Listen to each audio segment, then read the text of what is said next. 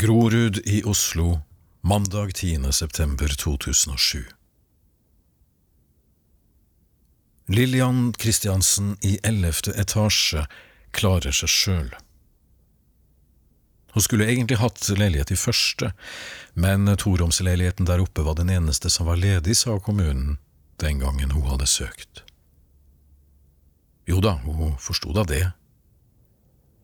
Ryggsmertene svir seg nedover venstre bein mens hun trekker gummistøvlene på seg, sittende på krakken i entreen. Én for én, svært sakte. Men hun klarer seg.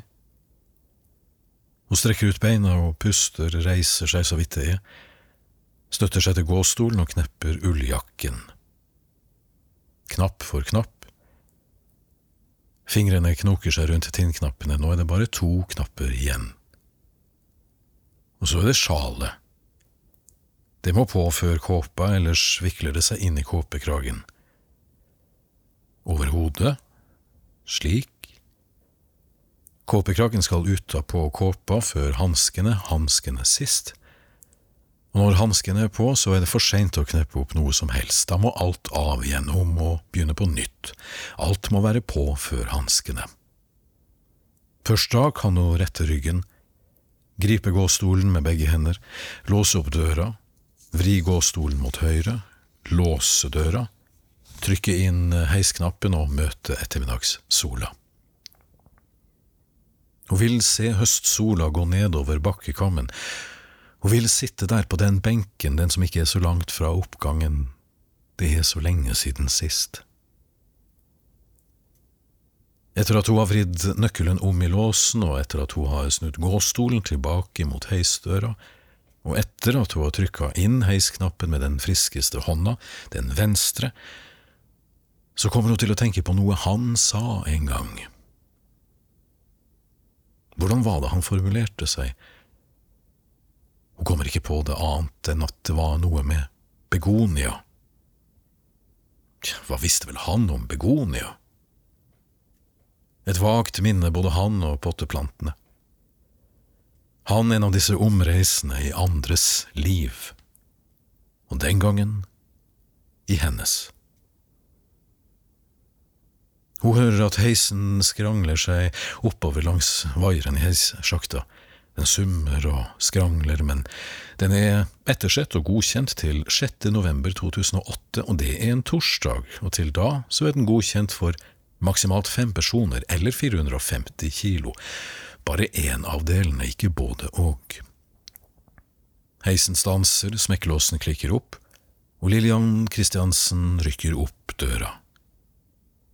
Dørpumpen i heisdøren er treg, men den er godkjent. Hele heisen er godkjent. Det står på skiltet på innsida. Hun får fronten av gåstolen inn. Det må være ettermiddagssol fortsatt. Hun trykker på tallet én.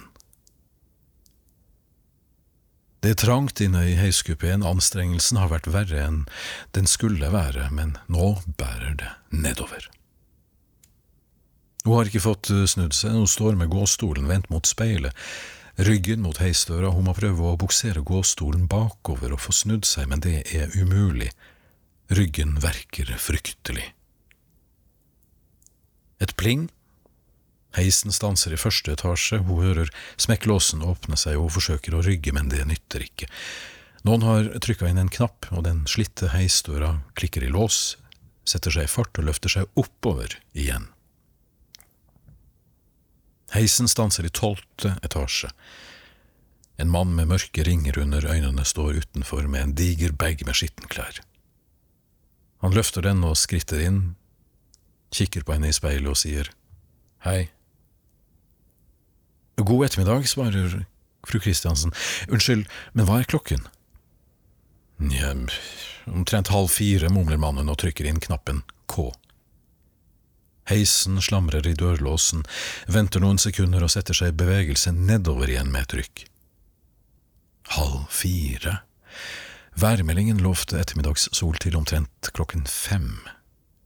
Det er god tid fram dit, tenker Lillian Kristiansen, hun er svett under kåpen. I kjelleretasjen åpner mannen heisdøren med den høyre foten og forsvinner. Ja, hva skal man si? Hun kunne vel sagt noe, eller var det han som kunne spurt om noe? I en annen etasje har noen nok en gang trykket. Heisen skramler seg i fart og dirrer forbi utgang én, hun ser så vidt lysglimtet av ettermiddagssola, mens ferden fortsetter videre, oppover. Hun skulle ikke ha tatt på seg det sjalet. Det kommer ingen inn i annen etasje, noen trykker på knappen igjen et sted, heisen stanser ved utgang én. To menn i kjeledress kommer inn med en verktøykasse. De kikker på henne i speilet og sier ja, vi skal reparere en krets i heiselektronikken, her kan du ikke stå, sier den ene av dem. Dere skulle jo ikke komme før neste år, på en torsdag, svarer fru Kristiansen gjennom brilleduggen. Ja, det, det skjer ting hele tiden, svarer en av dem. Ja, svarer fru Kristiansen, det, det gjør vel det. De spør henne hvor de kan sette henne av før de stenger heisen, og hun skulle vel svart at de kunne sette henne av ved utgangen, men hun forstår at det ikke er mulig å vite hvor lenge heisen kommer til å stå, hun forstår, forstår jo det. Lillian Christiansen blir rygget ut av heisen i ellevte etasje av de to reparatørene. Hun vet ikke om det er tanken på ham fra den gang, han som sa at hun måtte forstå at slik måtte det bli, eller er det den straks forsvinnende ettermiddagssola? Ja, det er ikke godt å si, men brillene, de dugger. Etter å ha låst seg inn i leiligheten igjen, så knepper hun opp kåpen. Deretter vikler hun av seg sjalet. Tinnknappene i ulljakken, én for én, svært sakte. Hun tenker på han som sa at han hadde begonia. Ja, men men det hadde han jo sagt til så mange, sa de.